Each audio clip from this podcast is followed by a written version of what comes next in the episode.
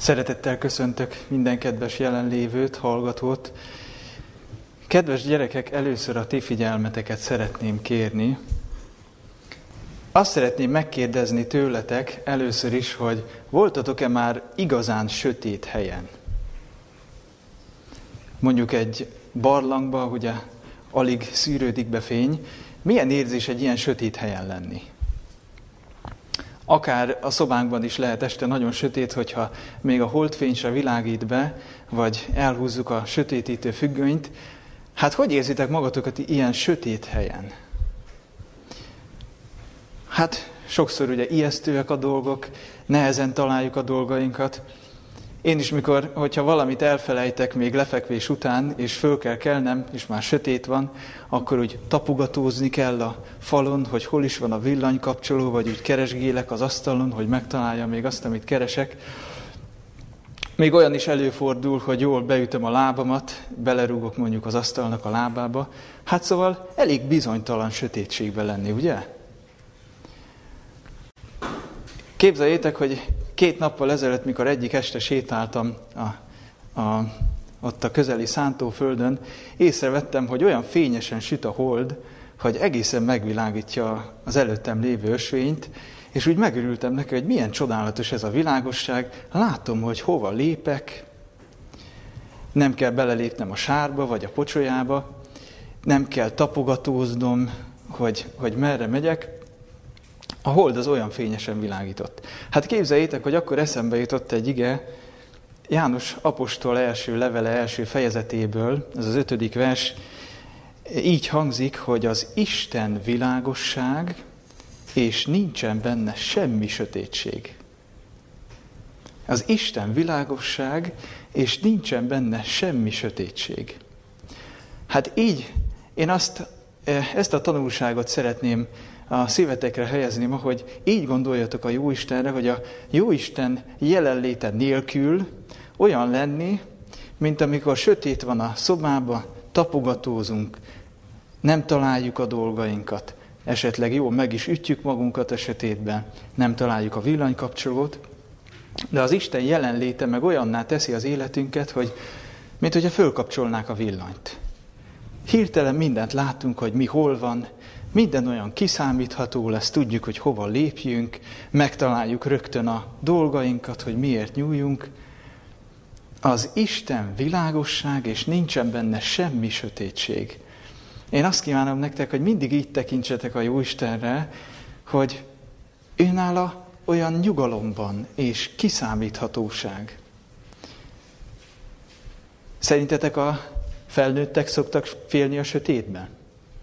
Hát lehet, hogy a felnőttek már nem félnek a sötétbe, de ők is vannak, hogy úgy elbizonytalanodnak, csak úgy tapugatóznak, nem tudják, hogy merre lépjenek, nem találják a dolgaikat. Hát nekik is ugyanúgy, ugyanilyen szükségük van az Istenre.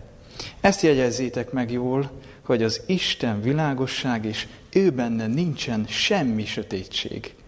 Milyen az, amiben semmi sötétség nincs? Hát ott minden olyan világos, minden olyan kiszámítható.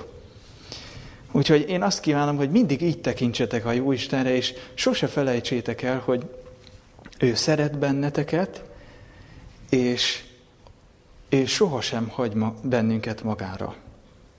Úgyhogy minden nap jusson ez eszetekbe, hogy az Isten világosság, és ő benne nincsen semmi sötétség. Köszönöm a figyelmeteket. Kedves gyülekezet, a mai igehirdetésnek én azt a címet adtam, hogy Krisztus a második Ádám.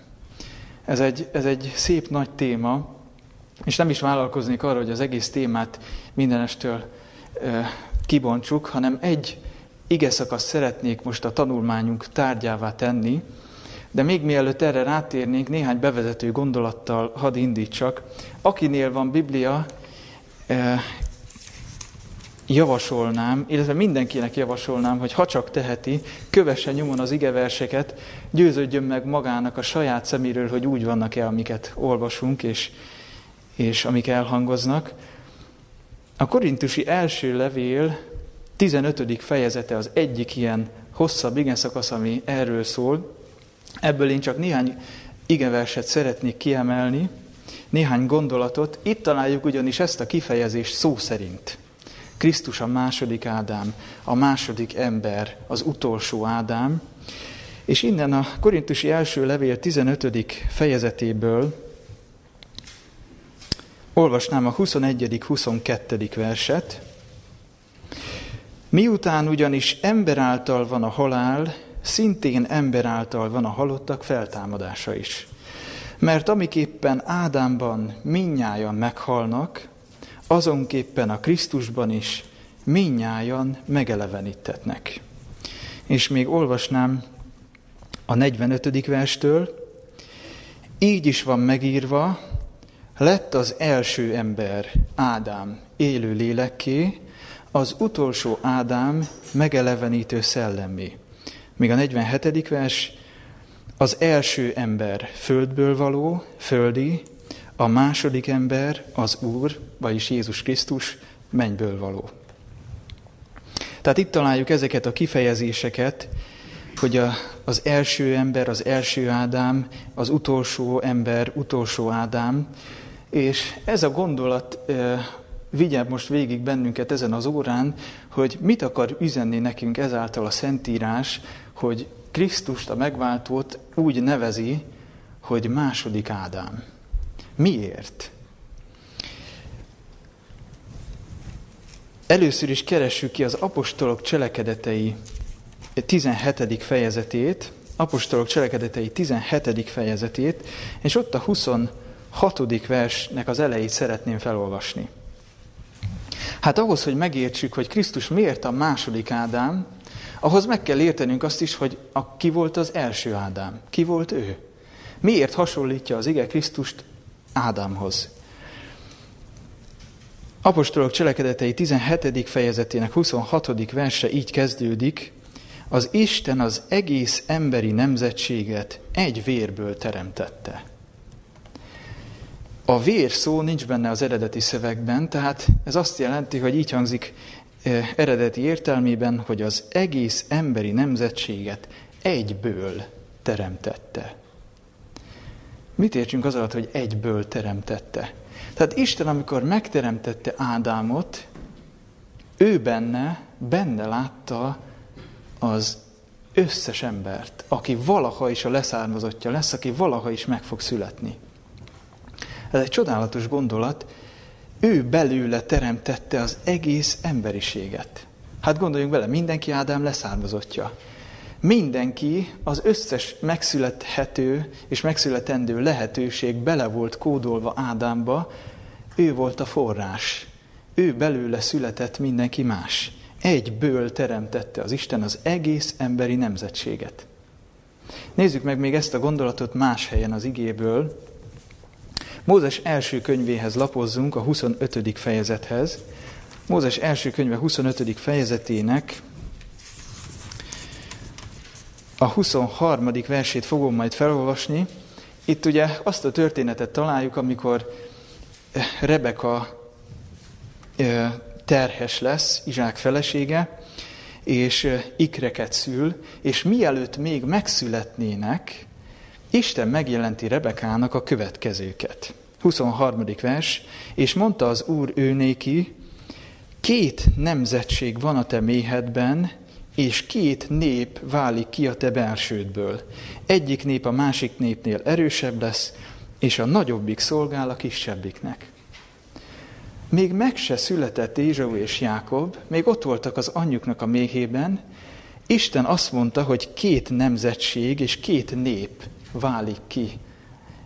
Két nép fog megszületni, tehát Isten előre látta Ézsaunak a nemzetségét, ugye az edomik, edomitákat, akik tőle származtak, és Jákobnak is a nemzetségeit, minden leszármazottját, ugye az izraelitákat. És még azt is megmondta Isten előre, hogy a kisebbiknek fog szolgálni a nagyobbik, tehát, hogy az edomiták fognak Izraelnek szolgálni.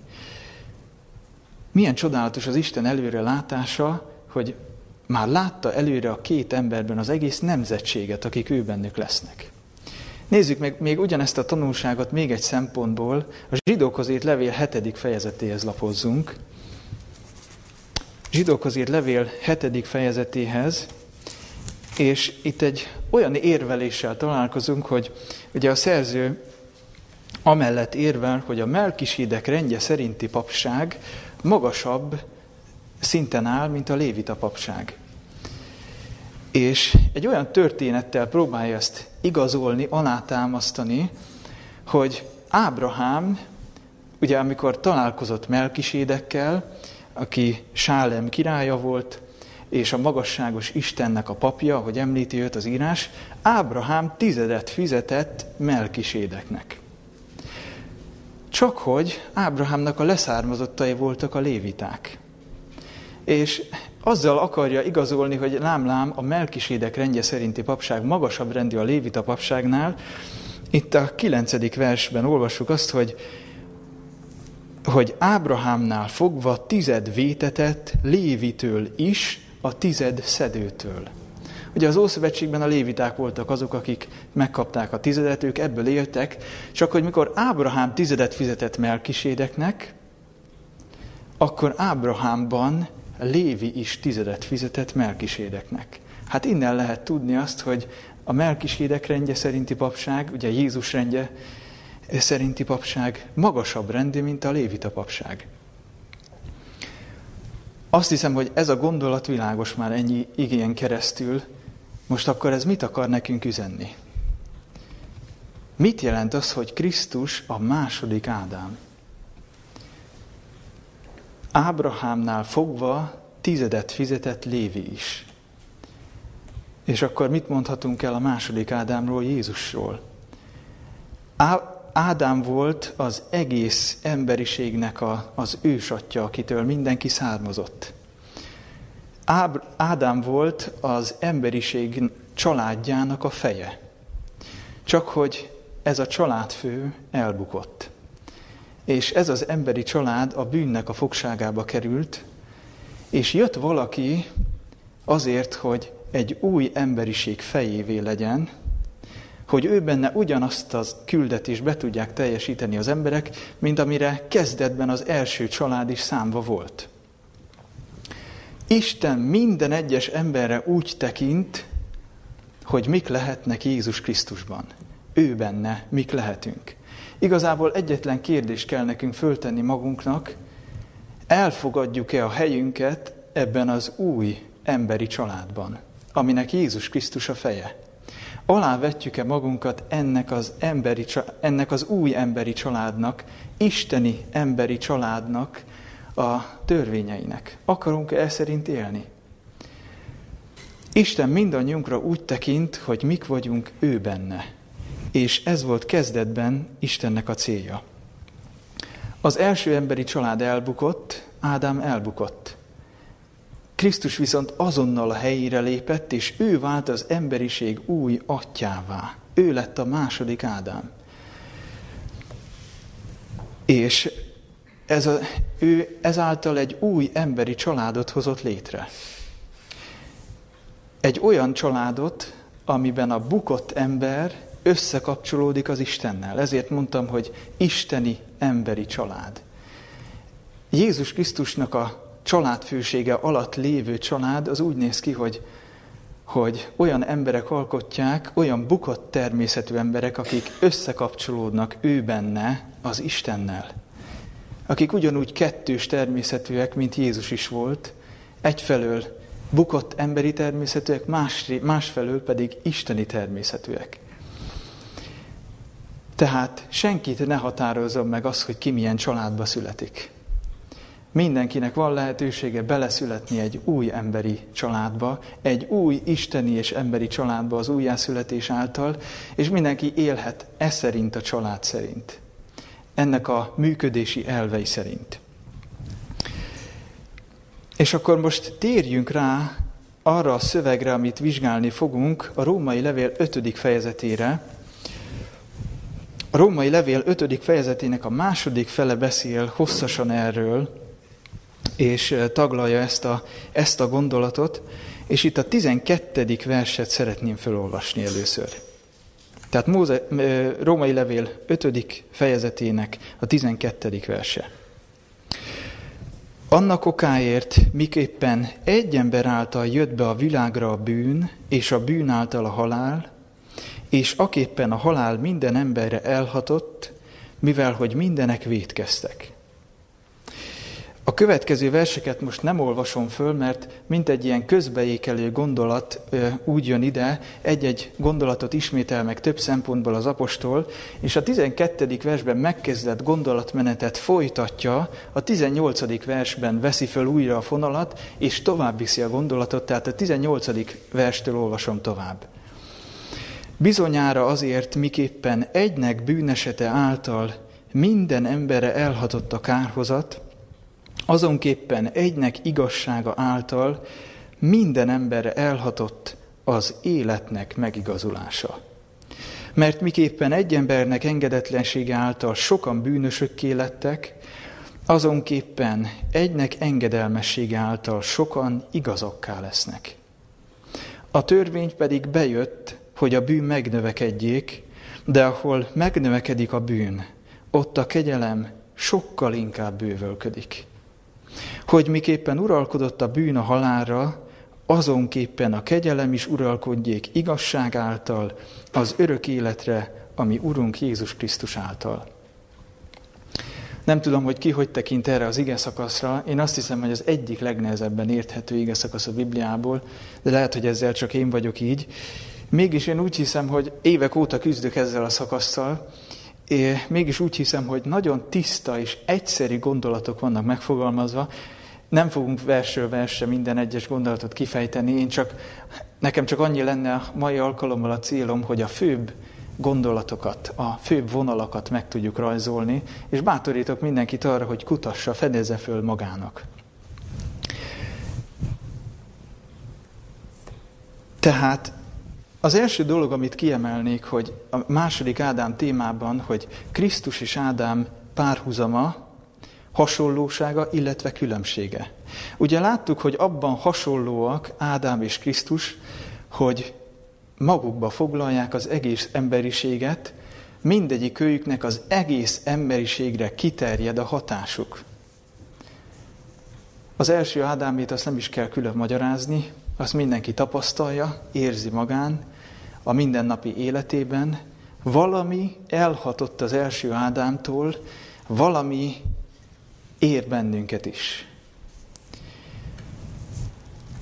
És akkor most nézzük meg a különbségeket is, mert hogy a hatás, ami minden emberre elhatott, az fordított előjelű.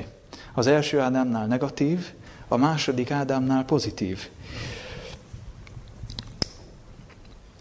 Most akkor először is a, a különbségeket nézzük meg, tehát a 18.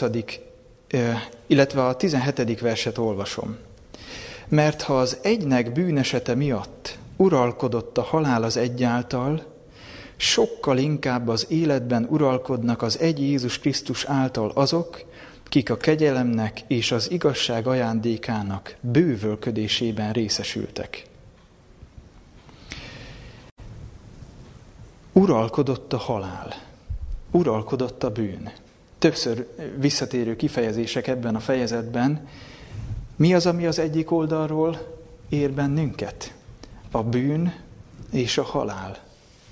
Az imént idézett ige szakasz 1 Korintus 15 azt a kifejezést is megemlíti, hogy a halálnak a fullánkja a bűn a halálnak a fullánkja pedig a bűn. Igen, mert aki bűnt követel, aki vétkezik az Isten szeretett törvénye ellen, az olyan, mintha belenyúlna egy fullánkba. Beleteszi a kezét egy fullánkba, ez a fullánk pedig a vérünkbe ereszti a maga mérgét. Valaki úgy fogalmazott, hogy a a halál csörgedezik az ereiben annak az embernek, aki az Isten törvénye ellen lázad, aki engedetlen. A halál hatalma alatt van az az ember, aki vétkezik. Ti is így tapasztaljátok? Ti is így tapasztaljátok, hogy nem igazi élet, egy élő halott állapot az, amikor az ember a bűnnek él? Ki az, aki azt tudná mondani, hogy a bűnben boldogság van? Tényleg, tényleg boldogságot az, a, az az ideig, óráig tartó öröm? A halál csörgedezik az ember ereiben, és nem tud más megnyilvánulni, csak ami benne van. Amíg el nem távolítják ezt a fullánkot, amíg ki nem szedik ezt a fullánkot. Egyfelől ez az, ami eljutott minden emberre, majd mindjárt kitérünk pontosan, hogy mi az, ami eljutott. Másfelől viszont azt olvassuk, hogy Jézus Krisztus által eljutott minden emberre az életnek megigazulása. 18. vers végén olvassuk. Mi jutott el minden emberre? Az életnek megigazulása. Milyen különleges kifejezés ez, mint hogyha az élet és az igazság, a megigazulás elválaszthatatlan lenne. Hát hogyan éljen örökké egy olyan ember, akiben egy fullánk van, ami a halálnak a mérgét árasztja az embernek az ereibe? Lehetetlen. Úgy lehet örök életet élni, hogyha eltávolítják ezt a fullánkot. Másképp nem lehet. Az életnek megigazulása. Ízlelgessük ezt a kifejezést egy kicsit. Először is a megigazulás. Mit olvastunk a 17. vers végén? Mi a megigazulás, vagy az igazság? Igazság ajándéka. Az igazság, vagy a megigazulás Isten ajándéka. Ráadásul a 17. vers azt is hozzáteszi, hogy bővölködik. Sokkal inkább bővölködik. Ne essen senki kétségbe, amikor a halál hatalma nyilvánvaló lesz a maga életében, mert van valami, ami sokkal inkább bővölködik, ami ellensúlyozza ezt. Krisztus tehát azért jött, hogy ahova Ádámon keresztül az emberiség lesüllyedt, azt föl egyenesítse és visszahelyezze ugyanoda.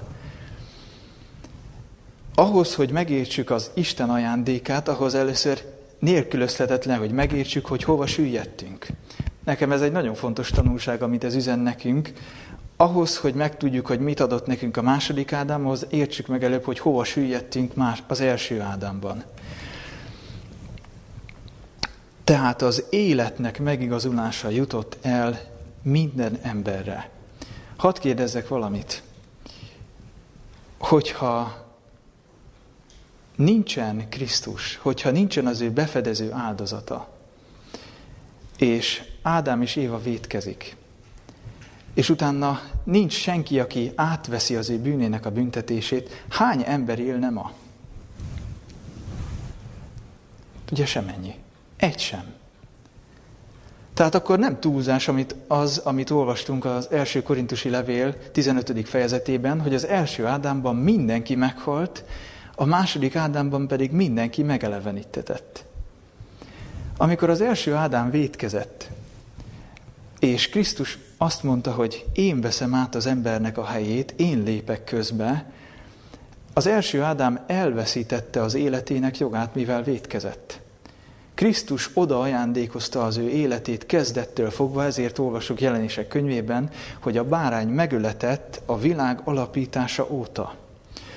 Na most mi az, amit Ádám át tudott adnia, adni a, az utódainak? A bűn következtében volt egy megromlott természete. Hát nem tudott más továbbadni, mint ami neki is volt. Egy bűnre hajló, egy meggyöngült természetet. És kinek az életét adta tovább? A sajátját? Nem.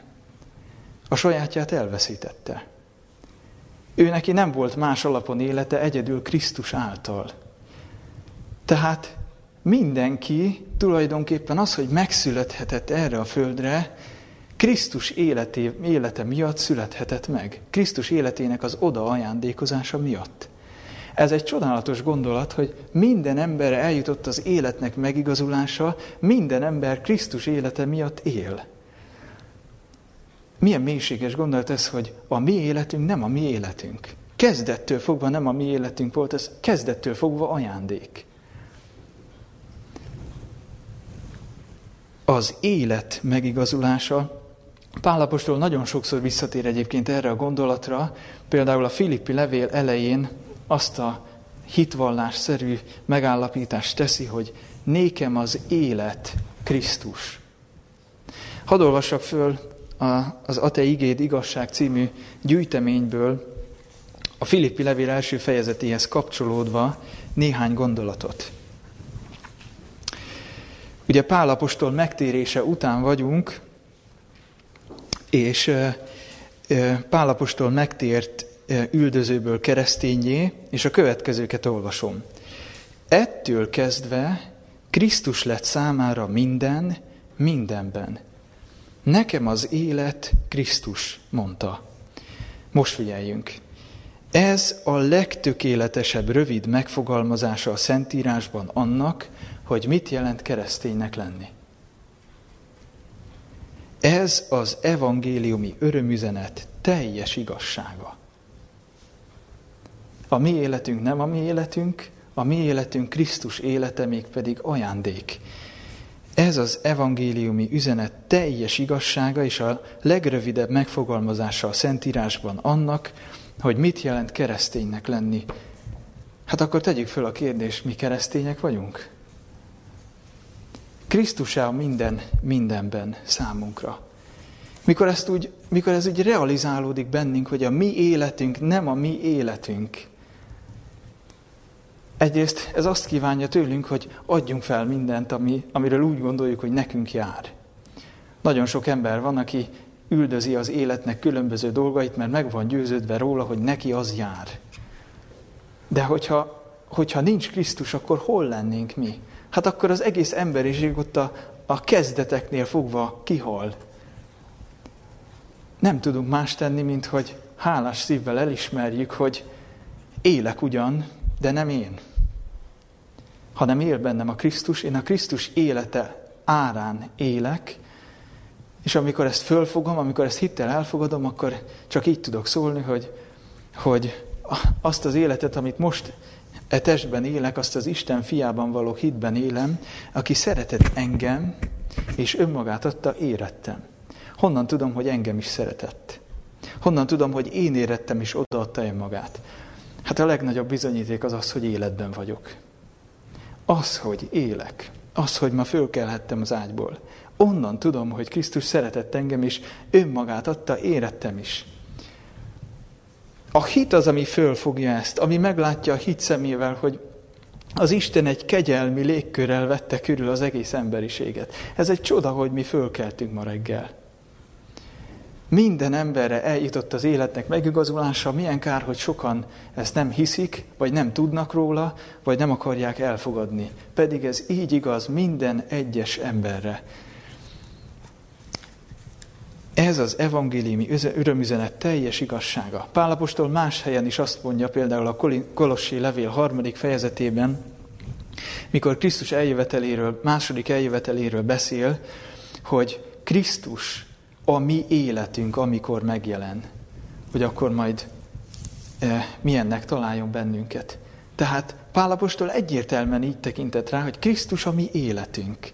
Ő, mikor ezt fölismerjük, hogy nekünk ezen a földön nem marad semmi más, nincs semmi Krisztuson kívül, akkor találunk igazán rá a szabadságra, mert hogy ez az igazság. És az igazság szabadokká tesz bennünket.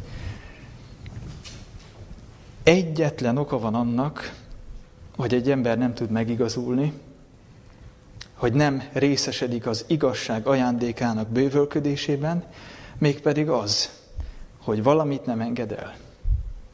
Ha valamihez ragaszkodik, amire úgy gondolja, hogy neki az jár.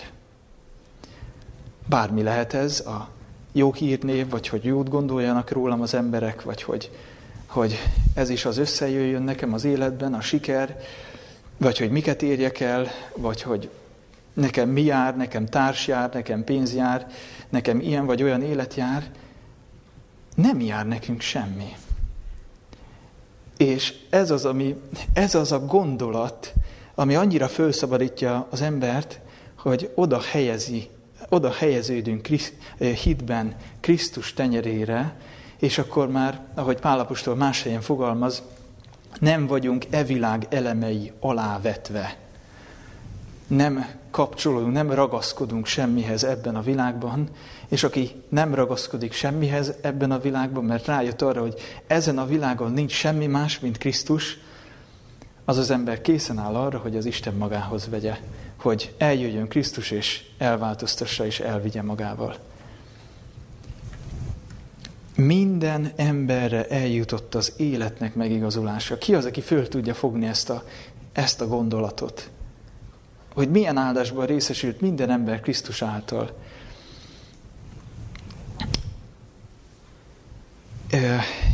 Sokan ennek az ige a kapcsán különböző konklúziókra jutnak.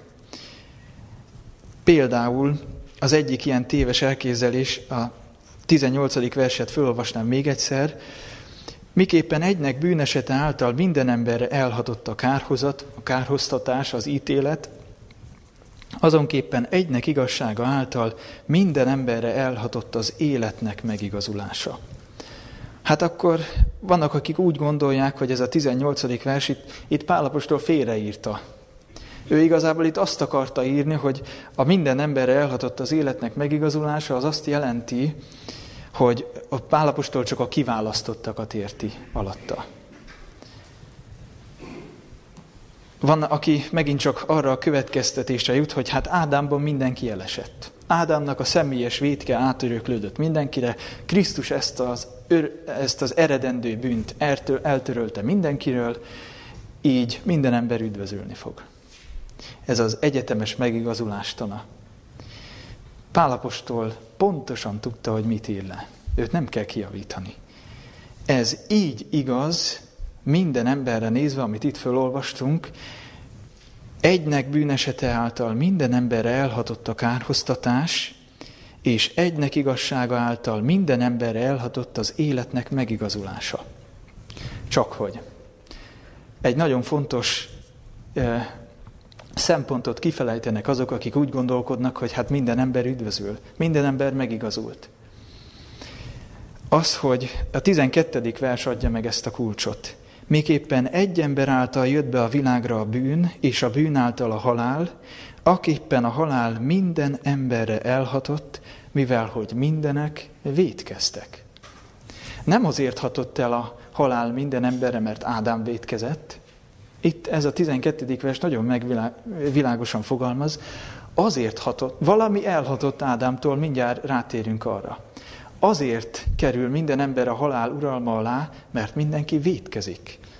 A vétek pedig úgy születik meg, hogy von és édesget a kívánság, mi pedig beleegyezünk, a kívánság megfogamván bűnszül, és az, amikor teljességre jut, akkor halált nemz.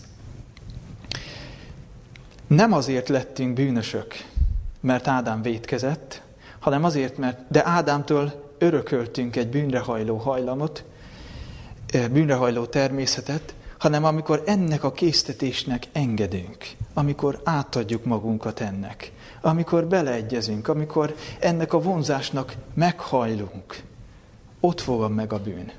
És nem azért lesz, nem azért lesz igaz egy ember, mert Krisztus eh, által az élet megigazulása eljutott rá, hanem azért, mert az ennek az isteni késztetésnek enged, átadja magát neki. Ugye értitek, hogy a, a személyes hit, a döntés marad ki abból a, ebből a téves értelmezésből. Tehát pontosan, pontosan tudta Pálapostól, hogy mit ír le, minden emberre elhatott mindkettő. És akkor mind, mind múlik az, hogy ki milyen életet fog élni. Hogy én most az Ádám vétke hasonlatossága szerint fogok haladni azon az úton, esetleg süllyedek még mélyebbre, vagy egy egészen új irányt vesz az életem, és Krisztus lépteit fogom követni. Még egy gondolatot hadd említsek itt. Nem tudom, hogy találkoztatok-e már ezzel a gondolattal, tették-e föl esetleg nektek is, vagy magatokban felmerült ez a kérdés. Sokszor én magamban felmerült, meg sok fiatallal találkoztam, akik föltették, hogy nem igazságtalanság az Isten részéről az, hogy mi beleszülettünk egy ilyen, egy ilyen földre, egy, egy ilyen emberiségbe. Hát tehetünk mi arról, hogy Ádám vétkezett egy ilyen gyenge, megkísérthető természettel születünk? Tehetünk mi arról? Miért nem lehetett volna rögtön megfékezni a bűnnek a hatalmát, és újraindítani az emberiséget, hogy mindenki a nulláról indulhasson? Nem igazságtalanság ez az Isten részéről? Mit felelnétek erre? Igen, való igaz, hogy semmit nem tehettünk az ellen, hogy Ádám elbukjon. Hát milyen beleszólásunk volt? Még meg se születtünk. Semmi. Nem tehetünk arról, hogy Ádám elbukott, de ugyanígy nem tehetünk arról sem, semmilyen választásunk, semmilyen erőfeszítést nem tettünk azért, hogy Krisztus meghalljon értünk, és hogy eljusson hozzánk az életnek megigazulása is. Micsoda áron szerezte vissza Krisztus nekünk ezt az előjogot. Tehát igen, nem tehetünk arról, hogy, hogy, hogy Ádámnak a természetét örököltük. Na de az Isten azt mondja nekünk, hogy nem kötelező az szerint a természet szerint élni. Én fölajánlom neked ingyen, ajándékként egy másik természetet, az isteni természetet. Mert az Isten egy, az Isten olyan csodálatos ígéretekkel ajándékozott meg bennünket, és olyan becses ajándékokkal, amelyek által isteni természet részeseivé válhatunk, és kikerülhetjük a romlottságot, ami a kívánságban van ezen a világon, ahogy olvasjuk Péter apostol második levelében. Tehát Krisztus ellensúlyozza, azért jött Krisztus, hogy az ördög munkáit lerontsa, hogy visszaemelje az elbukott emberiséget. Elfogadjuk-e a mi helyünket ebben az új emberi családban? Ő benne van minden. Minden ő benne történik. A korintusi második levélben olvassuk ezt az igét, amit sokszor csak az ige első fele miatt szoktunk idézni, hogy Krisztus bűnné lett érettünk, de én most a második felére hadd tegyem a hangsúlyt. Hogy mi meg Isten igazsága legyünk ő benne. Remélem, hogy ez a kifejezés most egy kicsit közelebb került hozzánk, hogy második Ádámról gondolkodunk, ahogy Ábrahámban tizedet fizetett Lévi, mikor még meg se született. Krisztus így jön hozzánk, hogy miránk úgy tekint, hogy minden, amit ő tett, azt mi tettük ő benne. Így közelít Krisztus hozzánk. Minden, amit ő tett, ahogyan ő élt, azt mi tettük ő benne, és egészen eddig semmilyen választásunk nem volt.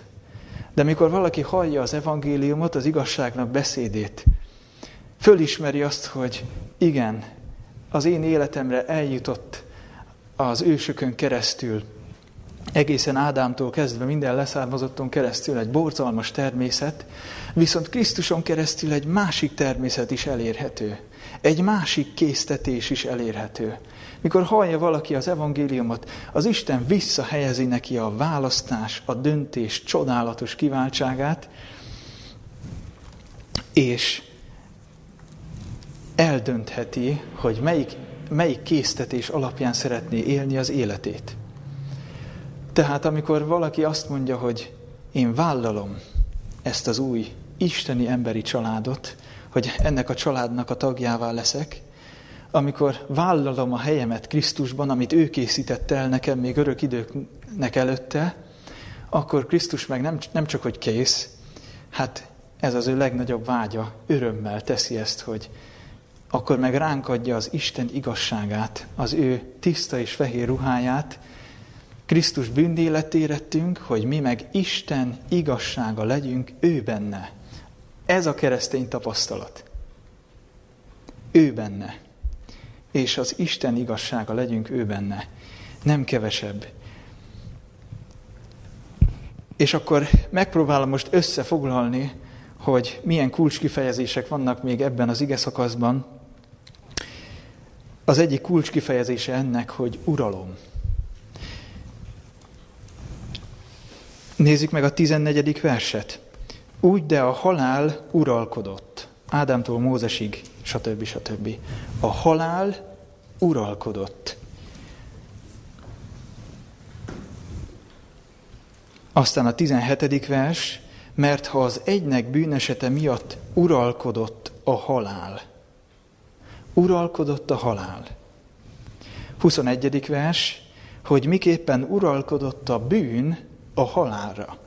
Tehát egyik oldalon ezt találjuk. Az első Ádámon keresztül Ez az, amit találunk. Uralkodik a bűn, uralkod, uralkodik a halál, uralkodik a halál, uralkodik a bűn a halálra. Mit, mit találunk a másik oldalon?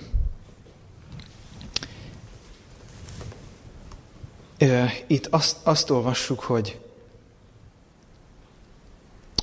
17. vers, mert ha az egynek bűnesete miatt uralkodott a halál az egyáltal, sokkal inkább az életben uralkodnak az egy Jézus Krisztus által.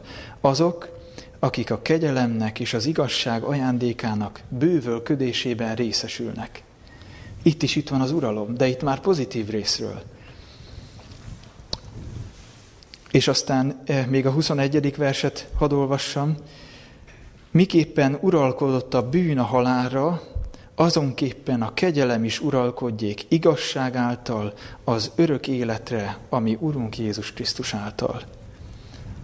Tehát azzal szemben, hogy uralkodik a bűn, uralkodik a halál a bűn által, azzal szemben itt van, hogy uralkodik, uralkodik Jézus Krisztus által az életben, a kegyelem az igazság által. Uralkodik a kegyelem az igazság által. A bűn uralma és a kegyelem uralma. A halál uralma és az élet uralma. Ezek teljesen szemben állnak egymással, és mit dönti el azt, hogy melyik uralom alatt vagyunk? Jézus Krisztus azt mondta, hogy nem szolgálhatunk két úrnak. Valamelyik egészen biztos, hogy uralkodik rajtunk. Itt jön be a választás. Itt jön be, hatalmas fontossága van a választásnak, az akaraterő helyes felhasználásának. Tehát azt nem választhatjuk meg, hogy kiűzzük-e a szívünkből a bűnt, vagy hogy mi most nem akarunk bűnt elkövetni. Azt megválaszthatjuk, hogy melyik hatalomnak rendeljük alá magunkat. Testvérek, nem tudom, hogy ti hogy vagytok vele, én többször találtam magamat olyan helyzetben, hogy az életben azt tapasztaltam, hogy kezdenek visszakúszni az életembe olyan bűnök, amikről azt gondoltam, hogy már rég túl vagyok. És mire észbe kapok, hogy kezdek kétségbe esni, hogy te jó ég, mifelé haladok, és az Isten, Istenhez fordulok segítségért, én nekem eddig még minden alkalommal megmutatta, hogy volt egy pont, ahol kinyitottam az ajtót a bűnuralmának, ahol beengedtem az ellenséget az életembe, és onnantól kezdve egy macska-egérjáték kezdődik.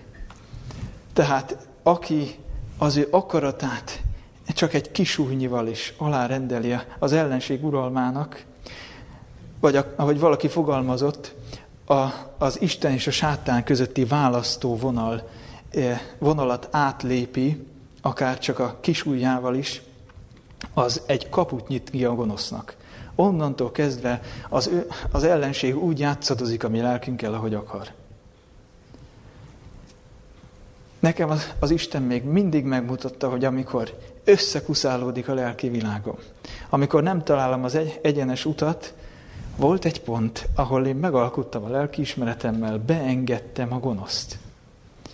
Na de az a jó hír, hogyha viszont kivonjuk a mi, a mi akaratunkat az ellenség uralma alól, és az Isten uralma alá, a kegyelem uralma alá vonjuk, akkor az Isten birtokba veszi. Nem kell, hogy így maradjon. Ugye értitek, hogy a küzdelem nem, nem azzal folyik, hogy én meg a bűn,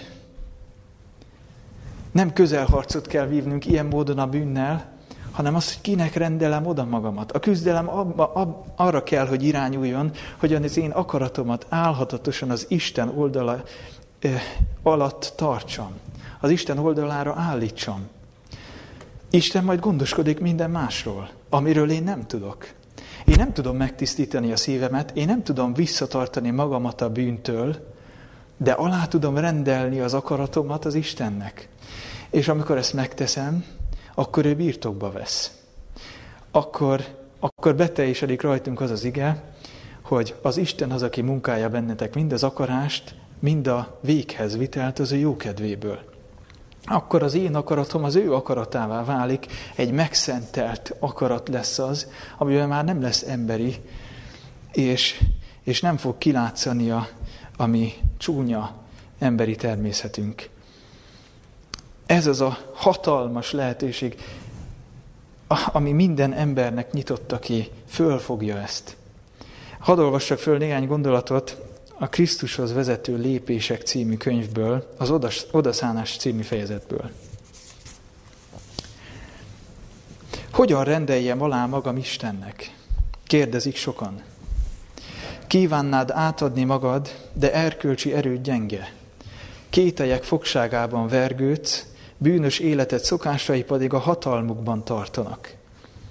Ígéreteid és elhatározásaid olyanok, mint a tengerparti homok.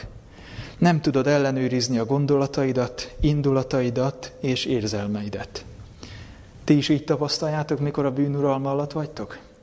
Nem tudjátok ellenőrizni a gondolataitokat, indulataitokat, érzelmeiteket? Azok uralkodnak rajtatok? Én így tapasztalom. Megszegett ígéreteid és könnyelműen vett fogadalmai tudata meggyöngíti a saját őszinteségedbe vetett bizalmadat. Az ember már azon is elbizonytalanodik, hogy tényleg akarom én ezt? Tényleg? Most egyáltalán mi van bennem? Mindez oda vezet, hogy úgy érzed, Isten nem fogadhat el mégsem kell kétségbe esned. Az akarat tényleges erejét kell megértened. A döntés, a választás hatalma kormányozza az emberi lényt. Minden a helyes döntésen múlik. Isten megadta a választás hatalmát az embernek, tőlünk függ, hogy miként élünk vele. Nem tudod megváltoztatni a szívedet, nem tudod magadtól Istennek adni szíved szeretetét, de tudod azt választani, hogy őt akarod szolgálni át tudod adni neki az akaratodat, és akkor a továbbiakban már ő munkálja benned mind az akarást, mind a véghez vitelt az ő kegyelméből. Így mindenestül fogva Krisztus lelkének uralma alá kerül természeted. Egy új természet irányítja akkor az embert. Ő rá összpontosul szereteted, vele lesznek összhangban a gondolataid. Teljes változás vehet, mehet végbe az életedben, az akarat helyes gyakorlása által. Én nem tudom, hogy tudatában vagyunk-e ennek. 180 fokos fordulat következhet be ma is akár az életünkben. Szöges ellentétben indulhatunk el, mint amíg egészen a máig vagy tegnapig haladtunk. Teljes változás mehet végbe az életedben, hogy ezt megérted. Minden az akarat, a döntés választ helyes használatán múlik. De hadd hívjam valamire fel a figyelmet. Az akaratot ne tegyük meg megváltónak. Az akaraterő nem megváltó, Krisztus a megváltó, de az akaraterő nélkülözhetetlen. Ugye értitek? Van egy ilyen ige is a római levélben, hogy nem az aki akarja, sem nem az aki fut, hanem a könyörülő Istené. A kegyelem uralma majd gondoskodik minden másról. Ő majd tisztán tartja a mi szívünket. A mi dolgunk az, hogy a mi akaratunkat alárendeljük az Istennek. Nem is abban van igazából a nagy bűn, hogy most mekkora hatalmas gonoszságot követek el, hanem az, hogy egyáltalán lázadok az Isten törvénye ellen, az ő uralma ellen. Hát miért? Mert akkor valamivel valamivel nem tudok azonosulni, akkor az ellenség térfelénre lépek valamiben. És onnantól kezdve az ellenségnek a játékszerei vagyunk. De milyen méltósága van az Isten emberének, a, a Krisztusban hívő embernek, aki nem kell, hogy uralkodjon a bűn, nem kell, hogy uralkodjon a halál, már ebben az életben sem, hanem a kegyelem uralma alatt élhet. Mi, lesz az, mi az eredménye annak, amikor a bűn uralma alatt élünk? A római levél, a következő fejezet, a hatodik fejezet itt a római levélben, ez az önátadás, meg az odaszánásról szóló nagy fejezet. Ennek a huszadik versét hadd olvassam föl. Mert mikor a bűnszolgái voltatok, az igazságtól szabadok voltatok. Már úgy kell ezt érteni, hogy az igazságtól szabadok, tehát amikor a bűnszolgái voltunk, amikor a, az akaraterünket az ellenfél uralma alá rendeltük alá, akkor a bűn uralma szabaddá tett bennünket, tehát hogy mentessé tett bennünket az igazságtól. Egészen addig, amíg valaki az ellenfél uralma alatt tartja az akarat erejét, addig az Istennek a késztetései nem fognak behatolni. De késztetéseket kaphat. Mi történik akkor, amikor valaki kivonja az akarat erejét az ellenfél uralma alól, és alárendeli Istennek? Mi lesz akkor annak a következménye? Hogyha a, bűn olyan, a bűnuralma olyan erőteljes volt, hogy mentessé tett bennünket az igazságtól, akkor mi lesz annak a következménye, hogyha valaki a kegyelem uralma alá rendeli az életét? Ugyanígy a 16. fejezetnek a 18. versét olvasom. Felszabadulván pedig a bűn alól az igazságnak szolgáivá lettetek. Amikor odaadjuk magunkat az Istennek, az igazság szolgálatára, mit fog elérni a kegyelem uralma? Mitől fog bennünket szabaddá tenni és megtartani egészen addig, amíg a hitünket megtartjuk a bűntől? Tehát attól függ, hogy melyik hatalomnak rendeljük alá magunkat, 21. versben így olvastuk még az előző fejezetben, az ötödik fejezetben, hogy miképpen uralkodott a bűn a halára. Azonképpen a kegyelem is uralkodjék igazság által az örök életre, ami Urunk Jézus Krisztus által. Tehát amikor a bűn uralma alatt vagyunk, egyetlen kisújnyival is, a, a bűn uralkodik rajtunk, és mentesek vagyunk az igazságtól, és ilyenkor nekünk természetes tenni a rosszat. Még akkor is, ha szenvedünk tőle, ez jön a természetünkből. Természetes. Mi történik akkor, amikor a kegyelm uralma alatt vagyunk? Amikor ennek rendeljük alá magunkat. Amiképpen uralkodott a bűn a halára, azonképpen a kegyelem is uralkodjék igazság által az örök életre, ami Urunk Jézus Krisztus által.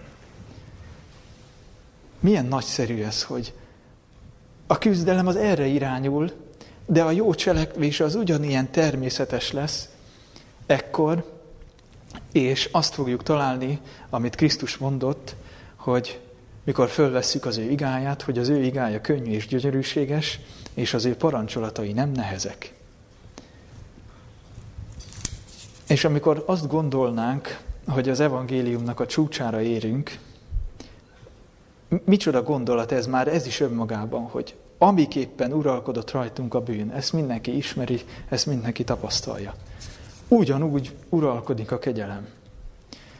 És akkor még mindig nem tették fel az íre a pontot. Ugyanis egy másik kulcs kifejezése ennek az ige szakasznak, az így hangzik, háromszor szerepel ebben, sokkal inkább. Sokkal inkább.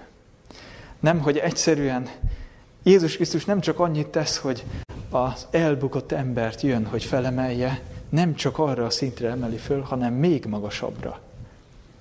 Az isteni szeretet az ilyen, hogy az elbukott embert még magasabbra emeli, mintha nem bukott volna el. Ilyen az Istennek a megváltása, a megváltási terv, és ugyanezt tapasztalhatjuk minden nap az életünkben, hogy a kegyelem erősebb, mint a bűn. Ki az, aki azt mondaná, hogy Isten erősebb, mint sátán? Gondolom, hogy mindenki rábólintana. Persze, hogy erősebb az Isten sátánnál. És akkor kételkedünk abban, hogy a kegyelem uralma az erősebb, mint a bűn uralma. 20. verset még hadd olvassam.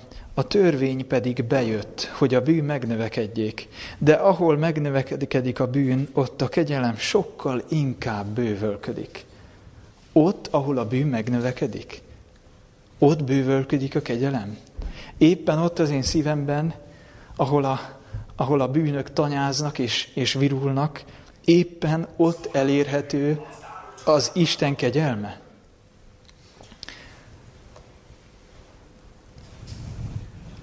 Milyen, milyen csodálatos reménység volt ez nekem ma reggel, mikor az Isten rámutatott az én titkos bűneimre, meg az én önfelmagasztaló gondolataimra.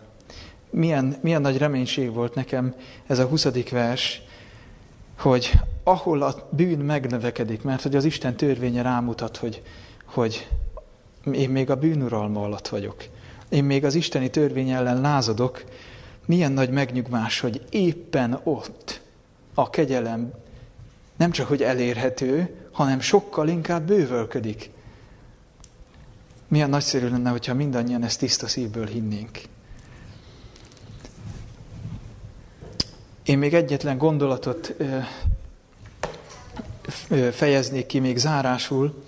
Ugye azt olvastuk a Korintusi első levél 15. fejezetében, hogy Krisztus a második Ádám, de egyben az utolsó Ádám is. Az első Ádám elbukott. Ő benne, az, e, ez az emberiség elbukott. Mindenkinek van joga, előjoga újjászületni, beleszületni egy másik emberi családba, egy isteni emberi családba, aminek az egyik része még itt van a földön, a másik része ott van a mennyben, de rohamosan közeledik az idő, amikor ez a két család találkozni fog egymással, és Krisztus visszajön hatalommal és dicsőséggel. Tehát, tehát mindenkinek előjoga ebbe a családba tartozni.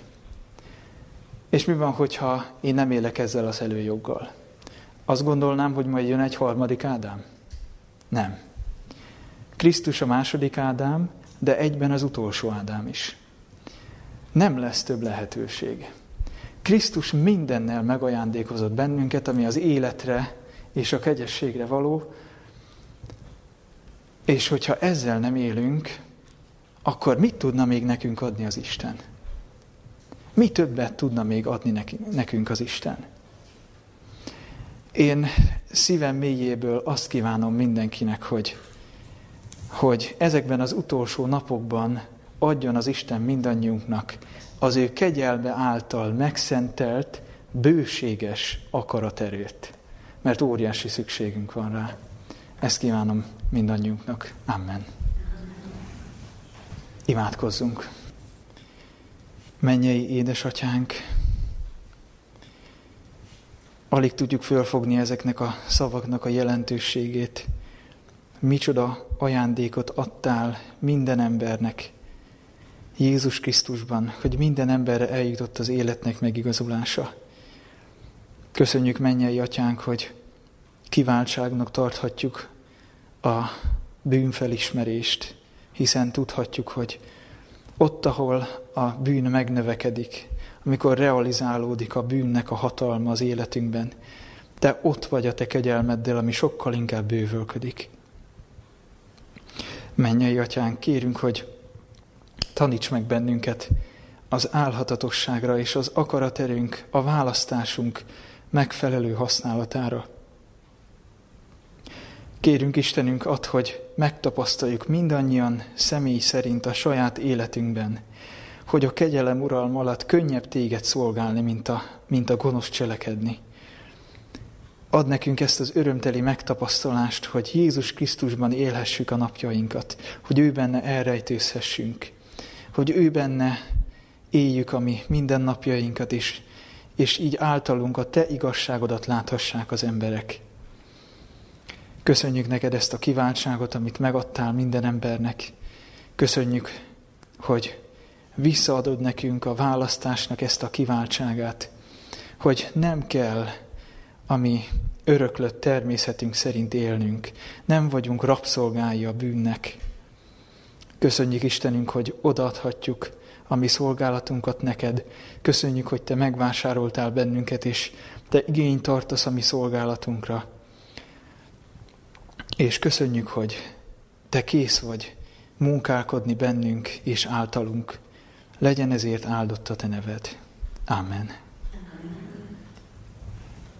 Itt a szívem,